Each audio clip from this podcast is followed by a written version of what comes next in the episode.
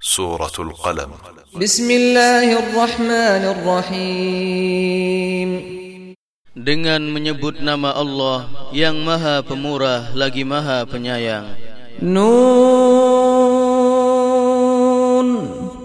والقلم وما يسطرون Nun Demi kolam dan apa yang mereka tulis ما أنت بنعمة ربك بمجنون Berkat nikmat Tuhanmu Kamu Muhammad sekali-kali bukan orang gila وإن لك لأجرا غير ممنون Dan sesungguhnya bagi kamu Benar-benar pahala yang besar Yang tidak putus-putusnya وإنك لعلى خلق عظيم dan sesungguhnya kamu benar-benar berbudi pekerti yang agung.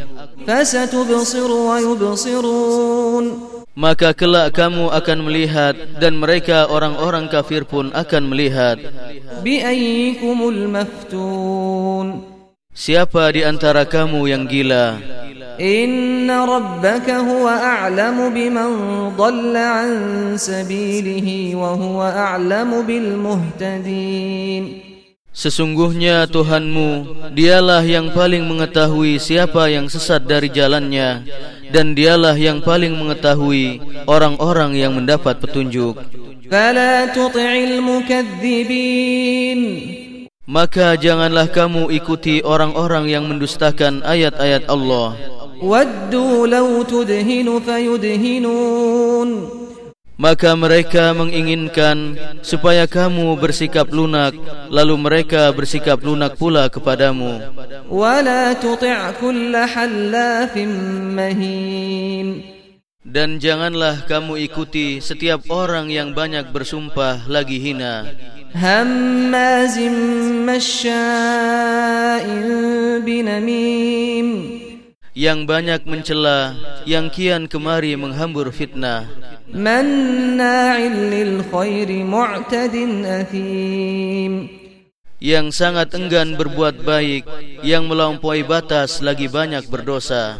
Utullin ba'da dhalika zanim yang kaku kasar selain dari itu yang terkenal kejahatannya. An kana dha malin wa banin karena dia mempunyai banyak harta dan anak.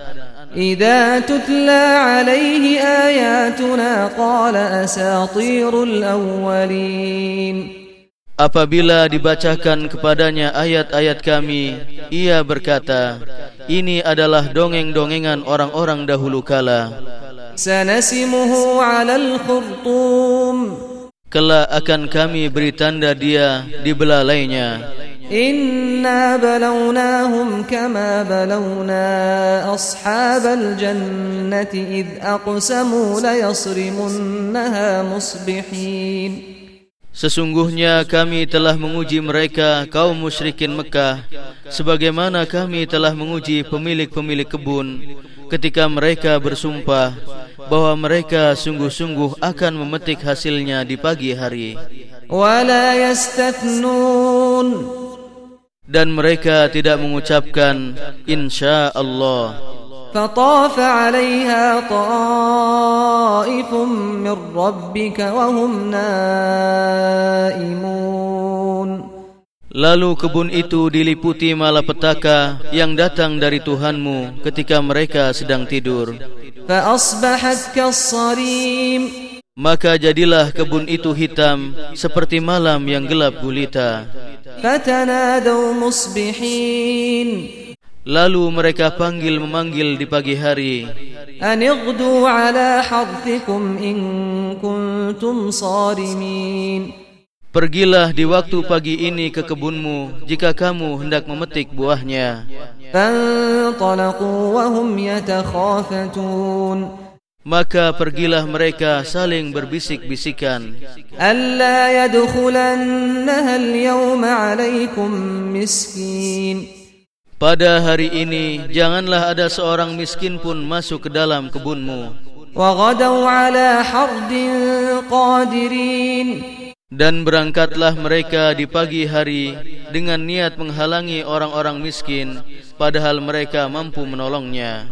فلما رأوها قالوا إنا لضالون Tatkala mereka melihat kebun itu, mereka berkata, Sesungguhnya kita benar-benar orang-orang yang sesat dari jalan yang benar. Bal nahnu mahrumun. Bahkan kita dihalangi dari memperoleh hasilnya. Qala awsatuhum alam aqul lakum lawla tusabbihun.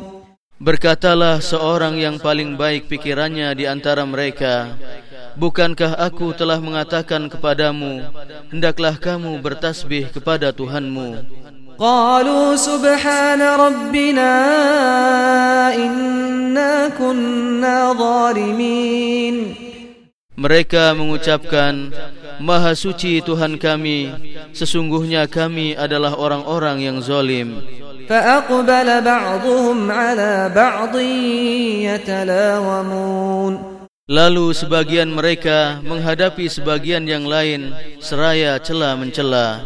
قالوا يا ويلنا إنا كنا طاغين Mereka berkata, Aduhai celakalah kita, sesungguhnya kita ini adalah orang-orang yang melampaui batas. Asa Rabbuna an yubdilana khairan minha inna ila Rabbina raghibun. Mudah-mudahan Tuhan kita memberikan ganti kepada kita dengan kebun yang lebih baik daripada kebun itu. Sesungguhnya kita mengharapkan ampunan dari Tuhan kita. Kadzalikal adzab wal adzabul akhirati akbar law kanu ya'lamun. Seperti itulah azab dunia dan sesungguhnya azab akhirat itu lebih besar jika mereka mengetahui. إن للمتقين عند ربهم جنات النعيم Sesungguhnya bagi orang-orang yang bertakwa disediakan surga-surga yang penuh dengan kenikmatan di sisi Tuhannya. أفنجعل المسلمين كالمجرمين Maka apakah patut kami menjadikan orang-orang Islam itu sama dengan orang-orang yang berdosa yaitu orang-orang kafir? Ma lakum kaifa tahkumun? Mengapa kamu berbuat demikian? Bagaimanakah kamu mengambil keputusan?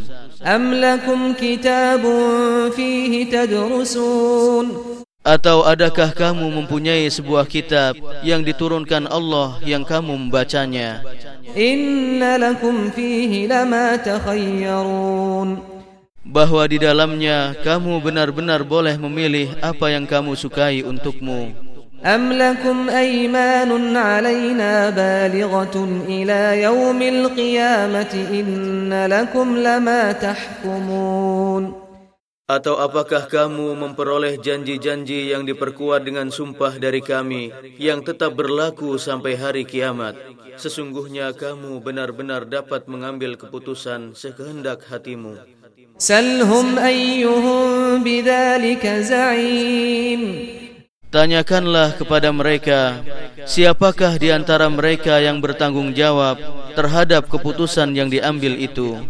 أم لهم شركاء فليأتوا بشركائهم إن كانوا صادقين Atau apakah mereka mempunyai sekutu-sekutu Maka hendaklah mereka mendatangkan sekutu-sekutunya itu Jika mereka adalah orang-orang yang benar يوم يكشف عن ساق ويدعون إلى السجود فلا يستطيعون.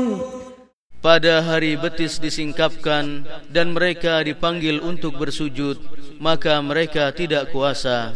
خاشعة أبصارهم ترهقهم ذلة وقد كانوا يدعون إلى السجود وهم سالمون dalam keadaan pandangan mereka tunduk ke bawah lagi mereka diliputi kehinaan. Dan sesungguhnya mereka dahulu di dunia diseru untuk bersujud dan mereka dalam keadaan sejahtera. Fadarni wa man yukadzibu bihadal hadith sanastadrijuhum min haythu la ya'lamun. ya Maka serahkanlah ya Muhammad kepadaku urusan orang-orang yang mendustakan perkataan Al-Quran ini. Nanti kami akan menarik mereka dengan berangsur-angsur ke arah kebinasaan dari arah yang tidak mereka ketahui. Wa umli lahum inna kaydi matin. Dan aku memberi tangguh kepada mereka Sesungguhnya rencanaku amat teguh Am tas'aluhum ajra' أم تسألهم أجرا فهم من مغرم مثقلون Ataukah kamu meminta upah kepada mereka Lalu mereka diberati dengan hutang أم عندهم الغيب فهم يكتبون Ataukah ada pada mereka ilmu tentang yang goib lalu mereka menulis padanya apa yang mereka tetapkan. Fasbid li hukmi rabbika wa la takun ka sahibil huti idnada wa huwa makdhum. Maka bersabarlah kamu wahai Muhammad terhadap ketetapan Tuhanmu. Dan janganlah kamu seperti Nabi Yunus yang berada dalam perut ikan ketika ia berdoa sedang ia dalam keadaan marah kepada kaumnya. لولا أن تداركه نعمة من ربه لنبذ بالعراء وهو مذموم Kalau sekiranya ia tidak segera mendapat nikmat dari Tuhannya, benar-benar ia dicampakkan ke tanah tandus dalam keadaan tercela. فاجتباه ربه فجعله من الصالحين Lalu Tuhannya memilihnya dan menjadikannya termasuk orang-orang yang soleh.